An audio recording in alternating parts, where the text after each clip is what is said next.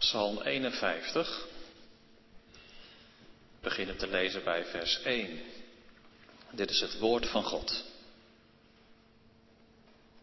Een psalm van David voor de koorleider toen de profeet Nathan bij hem was gekomen nadat hij bij Bathseba was gekomen.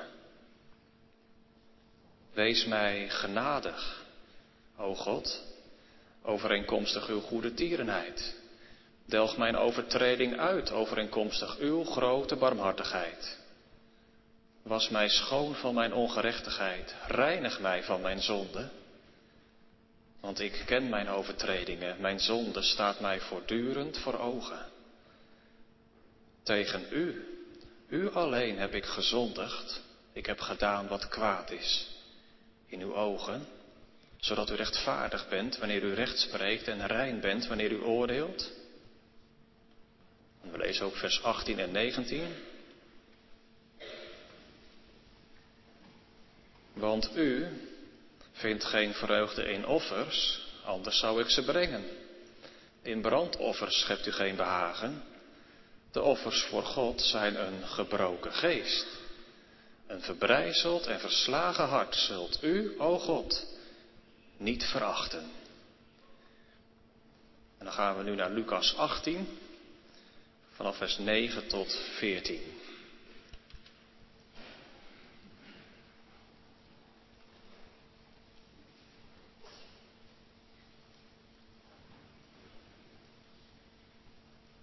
Vanaf vers 9. En hij, dat is Jezus, sprak ook met het oog op sommigen die van zichzelf overtuigd waren dat zij rechtvaardig waren en alle anderen minachten deze gelijkenis. Twee mensen gingen naar de tempel om te bidden. De een was een fariseer en de ander een tollenaar. De fariseer stond daar en bad dit bij zichzelf, O God, ik dank u dat ik niet ben zoals de andere mensen, rovers, onrechtvaardigen, overspelers of ook als deze tollenaar. Ik vast tweemaal per week, ik geef tiende van alles wat ik bezit. En de tollenaar bleef op een afstand staan. Hij wilde ook zelfs zijn ogen niet naar de hemel opheffen, maar sloeg op zijn borst en zei, O God, Wees mij, de zondaar, genadig. Ik zeg u, deze man ging gerechtvaardigd terug naar zijn huis in tegenstelling tot die andere. Want ieder die zichzelf verhoogt, zal vernederd worden. En wie zichzelf vernedert, zal verhoogd worden. Tot zover de schriftlezing. En er staat geschreven, zalig, die het woord van God hoort en het bewaart. Amen. De tekst voor de verkondiging vindt u in het tweede voorgelezen schriftgedeelte, Lucas 18, vers 9 tot 14. De gelijkenis, het voorbeeldverhaal wat Jezus vertelt over de fariseer en de tollenaar. En boven de preek heb ik geschreven, rechtvaardig. Het woordje rechtvaardig en dan in drie gedachten. Naar de tempel, in de tempel en weer uit de tempel. Rechtvaardig naar de tempel, in de tempel en weer uit de tempel. En voor de jongens en meisjes, weten jullie wat rechtvaardig betekent? Ja, zeg je, dat is een woord dat in de kerk nog wel eens aan de orde komt. En als je uit de Bijbel leest, rechtvaardig, ja, ja. Maar het is niet iets wat ik op het schoolplein nu zo vaak gebruik. Of in de klas. De meester of de juf zegt het ook bijna nooit. Toch is het wel een heel belangrijk woord. Echt een belangrijk woord uit de Bijbel. Zal ik jullie een beetje helpen? Rechtvaardig. Zie je mijn hand? Die staat nu rechtop, hè? Nou, in het woord rechtvaardig zit ook recht. Maar, kijk eens, nu wordt die krom. Trouwens, ik kan zelf ook krom gaan staan, zie je wel, dan ben ik niet meer rechtop. Nou, daar moet je aan denken, aan dat beeld bij het woordje rechtvaardig. Maar dan recht, rechtop voor God. Dat je rechtop staat voor de Heere. De Heere in de hemel. En wat gebeurt er als je rechtop staat? Dan kun je die ander ook aankijken. En die ander kan jou ook in de oog kijken. Als ik zo ga staan, ja, dan, dan zie ik zie ik verder niemand. Maar als ik rechtop sta, kan het wel. Rechtvaardig betekent dat je rechtop staat voor God, dus dat je ook de Heere kunt aankijken. En de Heere jou. En dat het goed is tussen jou en de Heere. En als je iets gedaan hebt wat niet goed is, wat verkeerd is, dan denk je misschien wel eens bij jezelf, nou ik hoop maar dat de Heer het niet ziet. En dan doe je misschien wel zo, hè, dan ga je weer krom staan. Rechtvaardig betekent dat het helemaal goed is, dat er niets meer tussen zit. Dat je met eerbied gesproken dus de Heer weer in de ogen kunt kijken. Nou, daar gaat het over vanavond. In de preek, twee mannen, een fariseer en een tollenaar, ze gaan naar de tempel. En de Heer Jezus vertelt dat voorbeeldverhaal om de mensen toen, maar ook om ons vanmiddag, daarover te leren wat nu bedoeld wordt met rechtvaardig. De tekst is uit Lucas 18, vers 9 tot 14. Boven de preek staat rechtvaardig. Rechtvaardig naar de tempel, in de tempel en weer uit de tempel.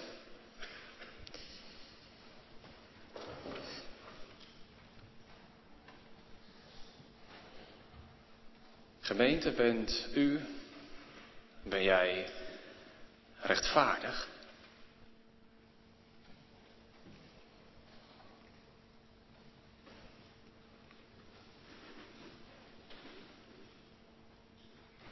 Zou je daar met ja op willen antwoorden? Op kunnen antwoorden? Mogen antwoorden? Vanmiddag vertelt Jezus, toen al, maar vanmiddag opnieuw, een voorbeeldverhaal om het antwoord daarop te vinden. En al luisterend vanmiddag naar een preek, hoop ik dat u en dat jij dat voor jezelf ook zult vinden. Zullen we gaan luisteren? Het begint in vers 10. In vers 9, maar daar komen we later op terug, maar het verhaal begint in vers 10. Daar staat, twee mensen gingen naar de tempel om te bidden. De een was een fariseer en de ander een tollenaar. Naar de tempel om te bidden. Nou, dat kon op elk moment. Maar in het bijzonder, s morgens om negen uur en s middags om drie uur waren de gebedstijden. En dan was het ook extra druk op het tempelplein en in de tempel. In het Hof van Israël. En dan de eerste die Jezus beschrijft is een fariseer. En een fariseer in de tempel, die verwacht je daar ook. Dat is de verwachte bezoeker. Je had ook Sadduceeën, die waren uit de hogere klasse van de samenleving, die waren ook dominant in het Sanhedrin en in de tempel.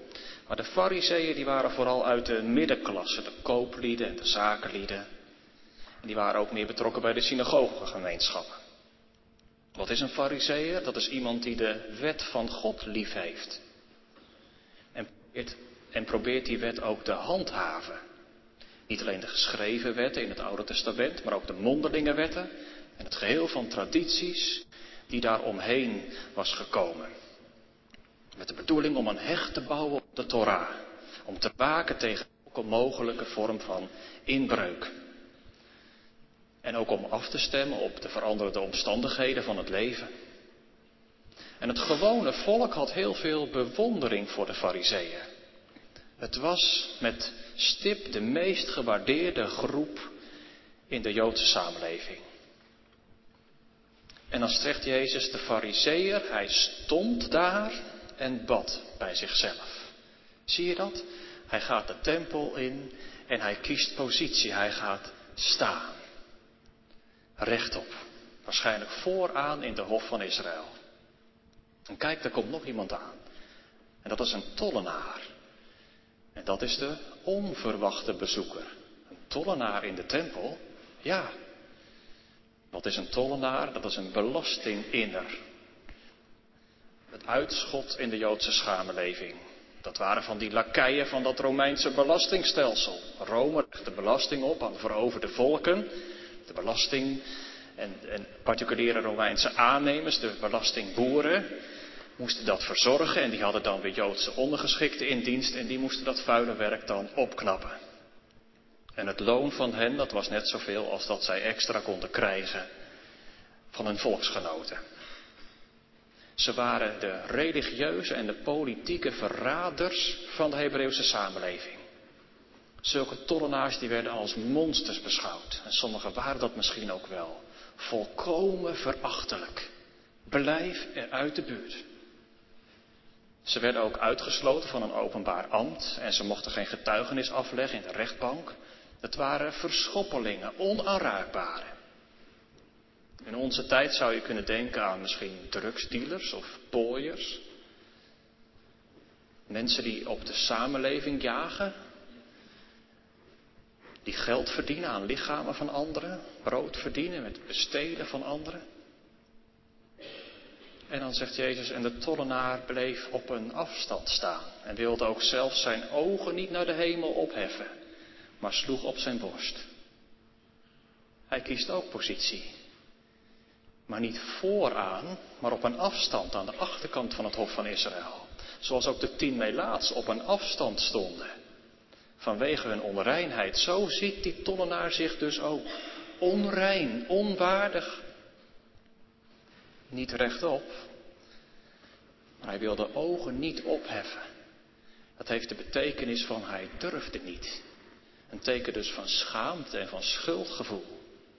Niet vol vertrouwen, maar hij slaat op zijn borst. Een gewoonte bij begrafenissen. Vlak bij het hart. En dan is het ook zo, dat hart, dat is de plaats die iemands diepste bedoelingen bevat. Dus ook de plaats van de kwade bedoelingen en van de zonde.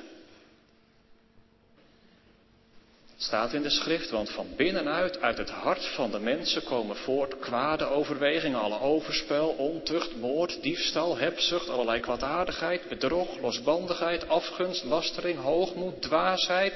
Al deze slechte dingen komen van binnenuit en verontreinigen de mens. Dus de positie en de houding van de tollenaar zegt genoeg. En het geeft duidelijk aan, ook deze man kent zijn plaats. Wat een tegenstelling daar, hè? Op dat uur van gebed. Zowel het uitschot als het neusje van de zalm van de Hebreeuwse samenleving. De een beroemd om zijn rechtschapen levensstijl, de ander berucht om de zonde. Zelfverzekerd, bescheiden. Dichtbij, een stap in de hoogte, waar de ander nog niet eens de ogen naartoe durft opheffen. Gemeente, dit horen we, en dat hoorden de hoorders toen bij Jezus ook. Zullen we eens een spiegel erbij gebruiken? Wat doet een spiegel? Die laat jou zien, tenminste als je hem recht houdt. Als je hem scheef houdt, zie je de buurman en de buurvrouw. Houd hem maar eens recht, dan zie je jezelf.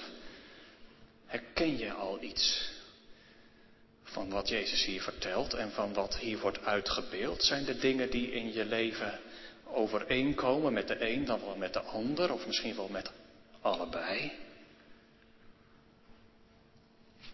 Kijk, het is vanmorgen niet de bedoeling dat je na afloop van de dienst kunt zeggen, nou, ik ben die tollenaar en iemand anders zegt, en ik ben die fariseeër. Dat niet. Daar komen we nog wel op, want vaak loopt dat ook helemaal door elkaar heen. Maar toch, toch maar eens even bezien. En kijk, je weet de afloop al, hè? Je weet straks met de tollenaar loopt dat goed af. Dus wat doe je dan automatisch? Dan kijk je in de spiegel en dan kijk je naar jezelf en je overziet je leven. En je kijkt dus naar de afgelopen week. En je ziet jezelf gaan en staan en doen. En dan denk je, ja, maar ik lijk toch ook wel op de tollenaar. Maar is dat eerlijk? Of we zeggen als gemeente tegen elkaar, we zijn een gemeente van tollenaars en zondaars. En we zetten er een ernstig gezicht bij. Maar nog eens, is dat eerlijk? Want hoeveel criminelen en pooiers en drugsdealers hebben wij vanmiddag in ons midden? En kijk eens naar jezelf. Sta jij op afstand van God? Omdat je onrein bent? Dat je niet daarom durft opkijken uit schaamte en schuldgevoel? Met je hand op je hart als teken van rouw en berouw van al die slechtheid en boosheid in jou? Is dat zo? Dan lijkt je inderdaad wel wat op die tollenaar, ja. Of zegt misschien iemand anders, wacht even, die fariseer, hè? Lijk ik daar toch ook niet erg op? Want, en trouwens, als je het goed bekijkt, is dat ook toch niet veel beter om op de fariseeën te lijken?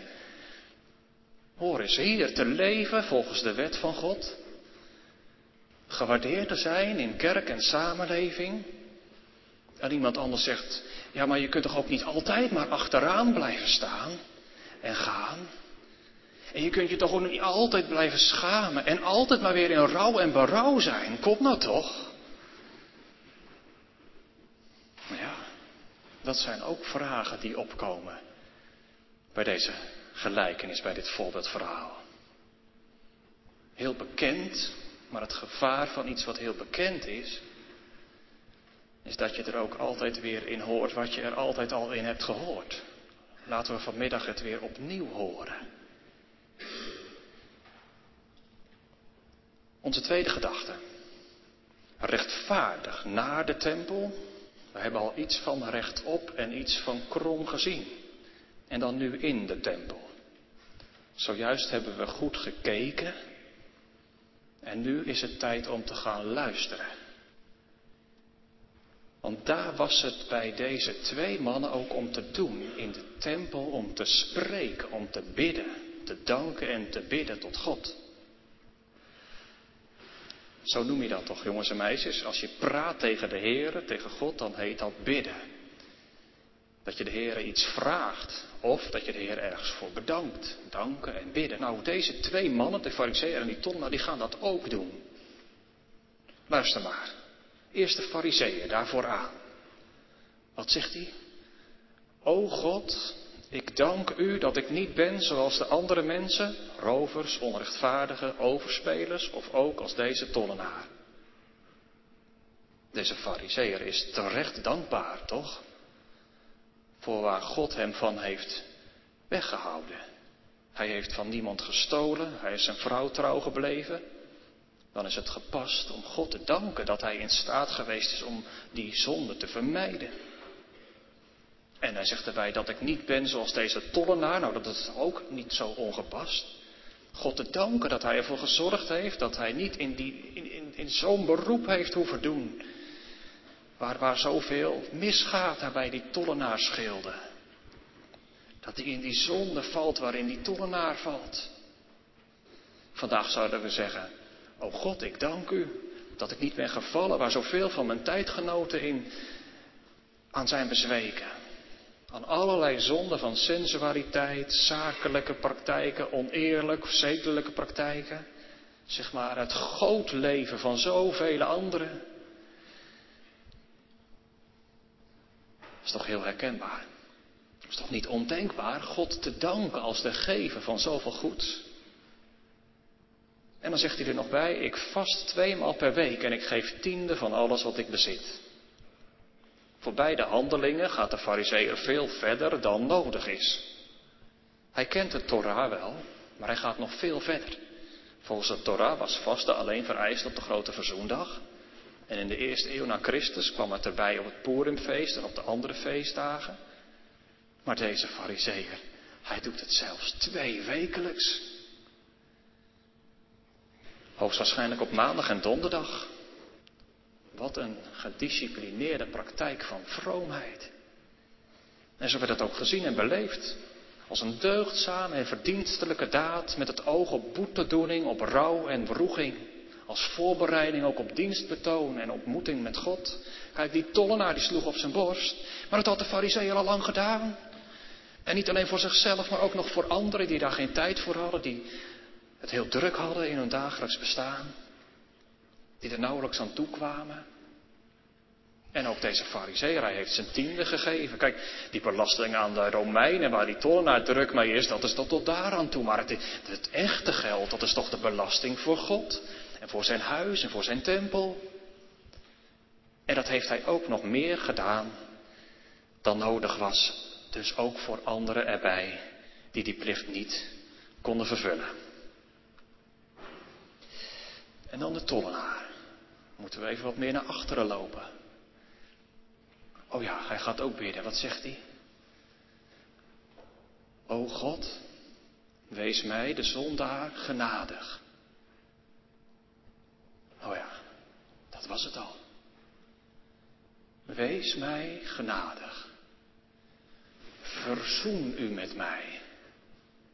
Normaal gesproken werd zo'n verzoening gedaan door een offer in de tempel. Dus die tollenaar lijkt dus te verlangen en te hopen dat dat verzoeningsoffer van dit uur op hem van toepassing zal zijn. Hij begint hetzelfde. Oh God. En ook de inhoud, bij de fariseeën paste het goed, maar hier past het toch ook goed. Bij de fariseeën het danken, bij de tollenaar het bidden. Ze bidden eigenlijk allebei voor wie ze zijn en voor wat ze doen. De fariseeën, niet, ik ben niet zoals en ik doe. En de tollenaar, ik ben een zondaar en ik doe zonde. Natuurlijk zit er ook verschil in en dat zat in de beschrijving, merkten we dat al wel. Bij de fariseer kort omschreven dat hij ging staan en er volgde een lang gebed. Bij de tollenaar is het andersom, een lange omschrijving van hoe hij erbij staat en een kort gebed. En dat andere verschil van dat danken en bidden, de fariseeër, oh God, ik dank u. Ik dank u, de beweging omhoog naar God. En bij de tollenaar, wees mij genadig. De beweging en de roep om God. Wees mij genadig. De enige keer dat hier gebiedende wijs wordt gebruikt. Het is urgent. Hij heeft niet zozeer woorden aan God, maar meer een roep om God. Kijk, misschien dat de fariseer wel tevreden is met het altaar. Het gaat de tollenaar om de God van het altaar. Voel je het verschil? Kijk, en dan moeten we ineens denken aan Psalm 51. Wees mij genadig, o God, overeenkomstig uw goede tierenheid. Delg mijn overtreding uit, overeenkomstig uw grote barmhartigheid. Was mij schoon van mijn ongerechtigheid, reinig mij van mijn zonde. Want ik ken mijn overtreding en mijn zonde staat mij voortdurend voor ogen. En dan komt het. Tegen u, u alleen, heb ik gezondigd. Ik heb gedaan wat kwaad is in uw ogen. Dat.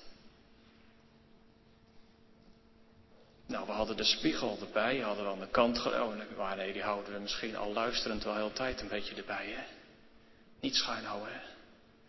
Gewoon, kijk maar gewoon zelf. Ja, wat gaat er nou in mij om, in mijn dienen, in mijn dienen van de Heer, in mijn godsdienst? In het voorgaan, in de eredienst, in het studeren, ben ik tevreden met het kerkgebouw, met de kerkbanken? Noem het allemaal maar op. Of kan in dat alles, hoe waardevol ook, kan het toch ook leeg zijn? Zelfs ook, ja, zelfs ook bij het avondmaal. Brood en de wijn. Bij de doop, het water. Tenminste, als ik wel het altaar heb, maar niet de God van het altaar. Snap je? Voel je dat? Door de zonde, zegt de Bijbel, komt er een scheiding tussen God en mens. Dat is niet natuurlijk. Van nature, zoals God het gemaakt heeft, zo bedoel ik dat. God heeft de mens niet op afstand geschapen. Maar die afstand is gekomen door de zonde. Al die dingen die niet goed zijn. Het begon al in het paradijs en het is doorgegaan. Afstand tot, tot God. Kijk, en als je God persoonlijk kent, dan, dan, dan merk je dat toch ook? Ja, maar zegt iemand, als je nu in, door God bent opgezocht, dat het goed is geworden. Kind van God, gelovig, dan, dan, dan ook nog dan? Nou ja, neem David, Psalm 51. door de zonde, ook van vandaag, van deze week, kan er dan toch ook weer opnieuw afstand komen. Zijn woorden van genade en vrede te horen en daadwerkelijk ook te ervaren, of niet. Maar zegt iemand, hoe komt het dan zover? Dat het goed is tussen mij en God, dat die afstand is overbrugd. Dat kan alleen maar in de ontmoeting met God zelf. En wie van deze twee, de fariseer en de tollenaar, heeft ook God ontmoet? Waar kwam het tot een ontmoeting? Nou, dat merk je als ze weer naar huis gaan. En daarom onze derde gedachte, uit de tempel. Rechtvaardig naar de tempel, in de tempel, het bidden en nu uit de tempel. Vers 14. Ik zeg u, deze man ging gerechtvaardigd terug naar zijn huis. Kijk, daar heb je het woord, rechtvaardig. Gerechtvaardigd terug naar zijn huis. Hé, hey, de rollen zijn omgedraaid. Deze man, het gaat nu eerst over de tollenaar. Dat is geen toeval. Ja, zegt iemand. Maar de fariseer en de tollenaar nu omdraaien, nou wacht maar. Het koninkrijk van God zet de zaken op zijn kop. Nou, zegt iemand anders, ja, maar wacht eens even, het is toch overduidelijk dat niet die tollenaar, maar dat die fariseer rechtvaardig was? En hij gaat dan toch nu ook? Maar dat staat er niet. De tollenaar, hij wordt als eerste genoemd, zo onrechtvaardig als het maar zijn kon. Hoe is dat mogelijk? Is er iets wat, wat toch nog belangrijker is dan, dan een goed en een deugdzaam leven? Wat is dat toch met dat koninkrijk van God? Als vrome Jood in, in, in het gehoor van Jezus, maar ook als, als, als christen. Dat gaat toch tegen elk gevoel van logica in? Ja, klopt. Er worden hier zaken op zijn kop gezet, er worden hier grenzen overschreden. Maar wacht even. Het is God die dat doet. Hoe weet je dat? Nou, dat staat er. Hoor je dat? Hij ging gerechtvaardigd. Oh ja, dat is passief. Dat is goddelijk passief. Gerechtvaardigd. Dat doet dus. Dat heeft God gedaan.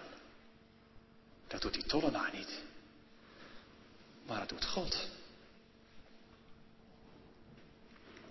Waar er afstand was tot tollenaren en zondaren.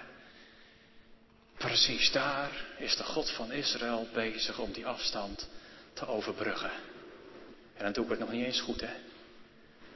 Die afstand te overbruggen, dat moet eigenlijk anders. Die tollenaar doet helemaal niets. Maar er is de God van Israël die die tollenaar heeft bezocht. Ja.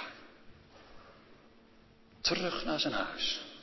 Maar uh, heeft hij wel een offer gebracht dan? Of profiteert hij soms van dat extra deel waar de fariseeën voor had betaald? Nou, opnieuw geeft Psalm 51 ons antwoord en inzicht. Daarom lazen ook vers 18 en 19. Want u vindt geen vreugde in offers, anders zou ik ze brengen. In brandoffers schept u geen behagen. De offers voor God zijn een gebroken geest. Een verbrijzeld en verslagen hart zult u, o God, niet verachten. Kijk, en dat is gebeurd. Die woorden van God, die woorden uit de schrift, die gaan hier in vervulling. Een verbrijzeld en verslagen hart zult u, o God, belofte van God, niet verachten. En zo gaat hij dus naar huis. Om zijn plaats weer in te nemen in de seculiere werkelijkheid. Zijn omstandigheden, zijn relaties, zijn familie en, en wie dan ook, ja. Hij is nog steeds dezelfde persoon in dat opzicht. En toch, toch is ook alles anders. Of is ook alles weer vernieuwd, nieuw geworden, of opnieuw nieuw geworden? Waarom? Omdat God hem gunstig heeft aangezien.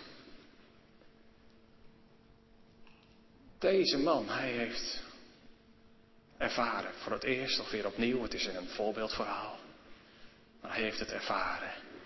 Daar in de tempel, daar is God. En hij is een God die hoort. Dat is het. Zie hem gaan, dan gaat hij naar huis. Zolang ik zweeg, verdorde mijn bestaan. Ik was bezwaard, zo greep de schuld mij aan. Ik zwaar woog uw hand op mij, Heer, dag en nacht. In zelfbeklag verdween mijn levenskracht. Mijn ontrouw, Heer, heb ik aan u beleden. U die vergeeft, tot u heb ik gebeden. Ben ik omringd door storm en watervloed, op u vertrouw ik, Heer. U die mij hoedt, u zult mij voortaan door uw trouw bewaken. U zult mijn leven vol van vreugde maken. Zo zal uw weg mij wijzen waar te gaan. U gaat mij voor. U maakt voor mij ruim baan. Zie je hem gaan. En dan die fariseeën. Oh ja, die was er ook nog. Je zou hem bijna vergeten. Maar die gaat ook terug. Uit de tempel. Nog iemand naar huis. En nou, je zou toch denken, die gaat nu samen met die tollenaar eensgezind op weg naar huis. Er was altijd afstand en nu eindelijk is het weer goed. De een gerechtvaardigd, de ander was al rechtvaardig, twee rechtvaardigen naar huis. Dat zou je toch denken? Maar dat staat er niet. Er staat iets heel anders. Er staat in tegenstelling tot die andere. Dus het is helemaal andersom. Hoe kan dat? Die man met wie wij ons als kerkmensen zo verbonden voelen. Voor hem zal er toch ook een zegen zijn. Gods zegen kan toch eigenlijk niet missen voor hen die zonde hebben nagelaten, die religieuze plichten getrouw hebben vervuld. Die geen kerkdienst hebben overgeslagen en nou, nou ja, vul het maar in. Nou ja, je zou het wel zo zeggen, ja. Kom je in onderlinge gesprekken soms ook wel tegen, toch? Soms heb je het haast zelf niet door en dan heb je toch weer iets in die richting wel tegen elkaar weer gezegd. Hè, van ja, maar jij hebt toch ook altijd wel? Ja, ja. Maar toch staat het terecht. In tegenstelling tot. Dus waar die tollenaar gerechtvaardigd door God naar huis gaat, gaat die fariseeën niet gerechtvaardigd door God naar huis.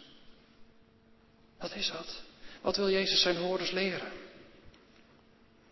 Zou het iets zijn wat wij in onze tijd en in alle tijden, wat een mens van alle tijden zo gemakkelijk weer vergeet en verleert?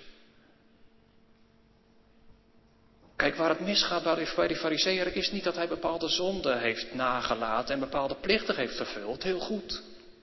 Alle reden tot dankbaarheid. Echt waar. Maar het ging ergens anders mis. En dat hebben we eigenlijk al tussen de regels door gehoord. Hè? Het ging mis.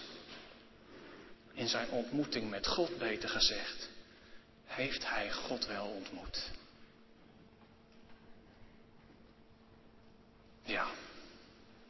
En dan moeten we dat vers wat we nog hebben laten liggen, hè, dat inleidingsvers, vers 9 erbij betrekken staat en hij, Jezus, sprak ook met het oog op sommigen die van zichzelf overtuigd waren dat zij rechtvaardig waren en alle andere mensen en alle anderen minachten. Deze gelijkenis.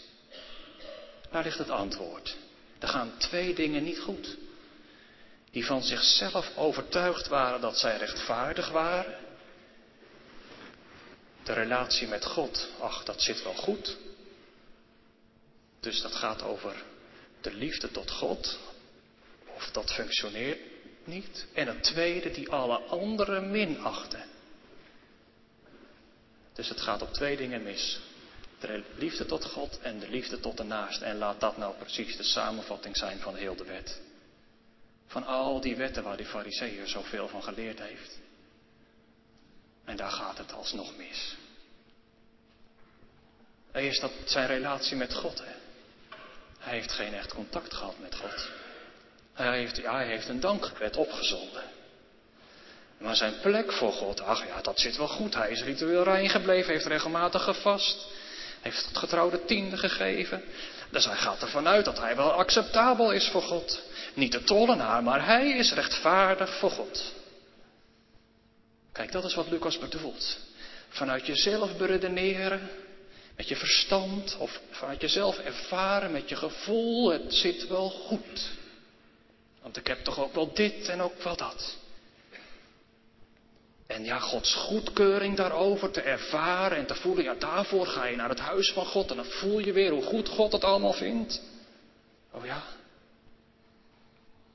Ja, Gods goedkeuring, dat is prima, maar, maar Gods genade, wat is dat? Genade. Iets ontvangen wat je niet hebt verdiend. Alles genade. En wat ging er nog meer mis? Nou, behalve dat het in zijn relatie met God niet gaat, gaat het vanzelfsprekend dan ook mis in zijn relatie tot zijn naaste. Er staat bij hij, alle anderen minachte hij. Er is afstand tussen al die anderen. Zie, en wat gebeurt er dan? Dan zijn ze ergens daar, hè? En kun je elkaar dan nog in de ogen kijken? Nee, je kijkt langs elkaar heen. Je kunt wel naast elkaar staan, letterlijk, figuurlijk. Maar als dit de verhoudingen zijn, dan kijk je nog langs elkaar heen. Dat doet deze man. Oh ja, daar heb je die tollenaren weer. Och, och, toch, het is toch wat. Nou, we hebben in onze dagen ook zo onze tollenaren en zondaren. We kunnen ze zo opnoemen, de boeven van deze wereld. Dan kunnen we, ja, ja, ja. En zichzelf hoog achten. Ja, dat is logisch. Hè? Als je een ander minacht, ga je vanzelf wel omhoog, toch? Als je zelf rechtvaardig bent en de ander niet, ja. Maar wacht even. Dan ben je ook niet meer op de plaats waar de God van Israël afdaalt. En in is afgedaald. In zijn zoon de Heer Jezus. Waar is hij afgedaald? Daar op de grond.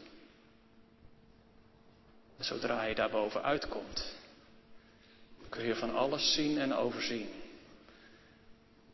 Maar je kunt Jezus niet meer in de ogen kijken. Dat is wat hier gebeurt. Dus het gaat om de tweede tafel van de wet. Gemeente, wat een afsluiting hè, van dit voorbeeldverhaal. Het zijn maar vijf woorden in tegenstelling tot die andere van die fariseeën. Maar het is toch een ontzettende werkelijkheid. Te gaan naar het huis van God, daar in tevredenheid en zelfs in dankbaarheid te zijn, maar zonder Gods zegen en zonder Gods genade. Weer naar huis gaan. Rechtvaardig naar huis gaan, maar niet gerechtvaardigd door God. We lezen in de slotzin waarmee Lucas het afsluit. Daar staat dit. Ieder die zichzelf verhoogt, zal vernederd worden. Kijk, dat zal ook met deze fariseeën gebeuren. Dat gebeurt hier bij deze fariseeën. Hij heeft zichzelf rechtvaardig gerekend, verhoogd voor God en de mensen. Maar er staat weer passief, die zal vernederd worden. De God van Israël zal vernederen. Vroeg of laat passief. Niet gerechtvaardigd, maar vernederd. Gemeente, misschien zit u hier vanmiddag wel en je luistert zo eens wat. En je denkt zo. Maar gaat dat misschien over mij dan? Ben ik dan ook zo iemand? Dat ik blij en dankbaar kan zijn in mijn godsdienst, maar God van Israël.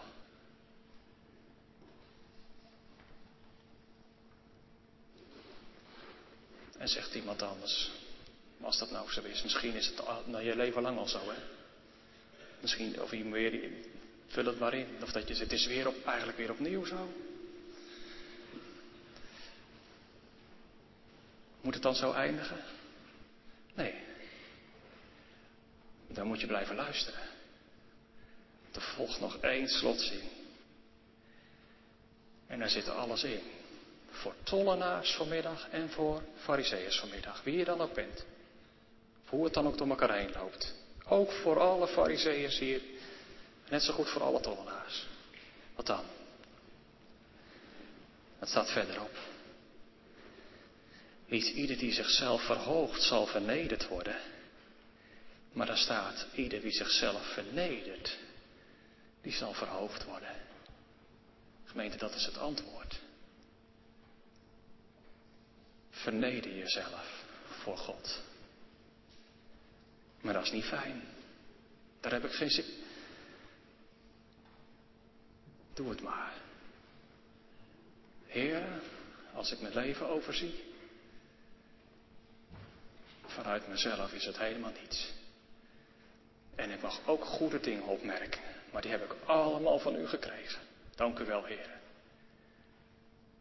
Dan wilt u al mijn zonden en al mijn verkeerde dingen, ook die ik weer gedaan heb, vergeven. O God, wees mij de zondaar genadig. Niet verdiend en toch gekregen. Korte gebed. Maar dat is het gebed nu heel je leven lang genoeg is. Zelfs als het op het uur dat je moet sterven. Doe als de tollenaar. Ga naar Gods huis. Naar de tempel. Want, hoe was het ook alweer? Daar in de tempel, daar is, is God. En Hij is een God die hoort. Hoort God mij? Ja. Echt? Ja. Vanavond zeker? Nee, nu. Echt? Ja, nu.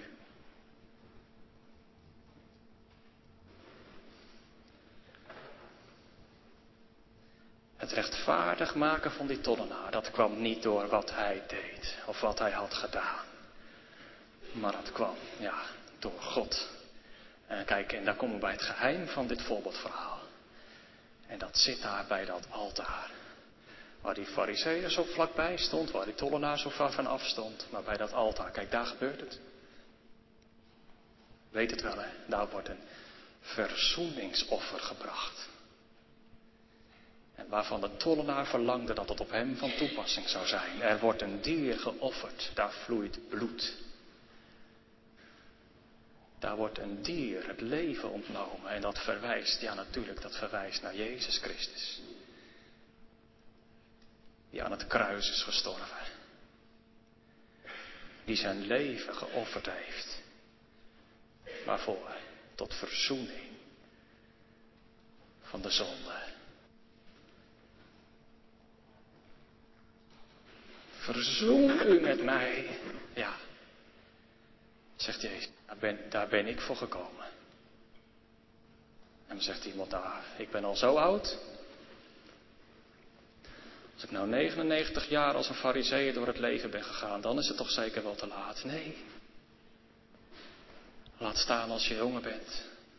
60, 40, 20. 6. En alles wat ertussen zit. Verzoen u met mij, o God. En ook weer opnieuw, ook na ontvangen genade. Want zo is het toch, dat er weer dingen tussen kunnen zitten. Zul je het eerlijk voor God zeggen? Moet ik dat dan? Ja. Dat is, nou, dat is nou jezelf vernederen.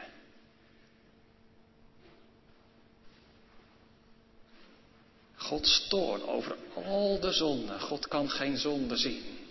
God is heilig en rechtvaardig en hij toornt over de zonde. Met een brandende toorn. Waar zie je dat? Dat zie je aan het kruis. En dat zul je ook eenmaal zien als Jezus terugkomt om te oordelen de levenden en de doden. En wij leven in die tussentijd. Waarin er één weg tot behoud is en dat is het bloed van Jezus Christus. Tot verzoening van een paar nee, van al de zonden.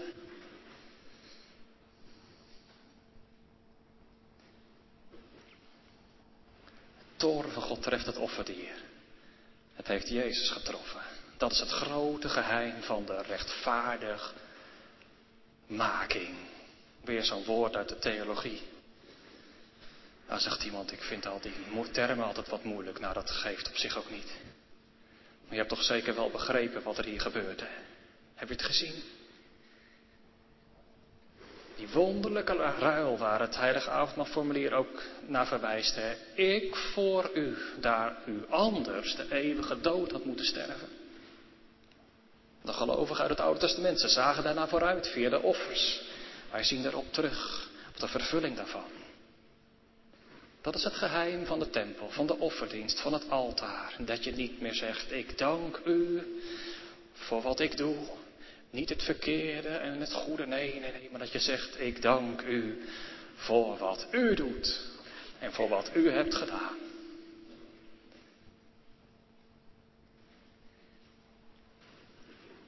Ook de fariseeën? Ja. Ook de fariseeën. Het koninkrijk van God te weten en te ervaren als het rijk van genade. Niet van prestatie. Gods liefde te ervaren. Niet verdiend, maar gegeven. Om de verdiensten van Jezus Christus. Hoorbaar vanuit het woord, ook vanmiddag. Zichtbaar bij de sacramenten. Die tollenaar die had oprecht berouw. Hij hield het niet langer uit in zijn huis. Naar God toe. Naar zijn barmhartigheid toe. Zichtbaar bij het altaar. In het offer, zichtbaar in Jezus Christus. En als u vanmiddag en jij, deze God van Israël, die zich heeft geopenbaard in zijn Zoon, de Heer Jezus, en die werkt door de Heilige Geest, hij gaat er rijen door. Als je Hem zo voor het eerst of weer opnieuw mag ervaren, mag je straks naar huis gaan. En dan mag je de volgende keer wel weer komen. Met het verlangen in je hart. Dan ga ik op tot Gods altaren. Tot God, mijn God. En wat is Hij? De bron van vreugd. Dan zal ik juichend stem en snaren ten roem van zijn goedheid paren, die na kortstondig ongeneugd mij eindeloos verheugt. Ja, want het leven van elke dag, dat gaat zo weer verder. De week weer in, zolang je van God de tijd krijgt, totdat Jezus terugkomt. Wie weet is het al spoedig, of het duurt nog wat langer. Maar Jezus komt terug. En tot die tijd zitten we op deze oude aarde met oude lichamen die ook ziek kunnen worden. En waar ook heel veel slechtheid en boosheid en verkeerdheid is in de wereld. En niet in het minst ook in je eigen hart, in je eigen oude hart. Maar nogmaals, heb je het gezien? Heb je het gehoord? Daar in de tempel, daar is God en Hij is een God die hoort. Echt waar. En dan mag je het ook zeggen, dat vers daarna, mijn ziel, hoe treurt ge dus verslagen? Wat zijt ge onrustig in uw lot? Ja, er is zoveel onrust, klopt. Maar vergeet niet, berust dan wel in zeer welbehagen. Want deze wereld gaat voorbij. En Jezus komt terug. En hij heeft gezegd, als ik plaats gemaakt zal hebben, dan kom ik terug en ik zal u tot mij nemen. Dat zei hij tegen zijn discipelen. Die in hem hadden geloofd en op hem hadden vertrouwd. Berust in zere welbehagen. Hij doet wel haast. Uw heil dagen. Uw hoop. Deze hoop op God. Herleef dan, ook vanmiddag. Naar zijn gebod. Mijn redder is mijn God. Amen.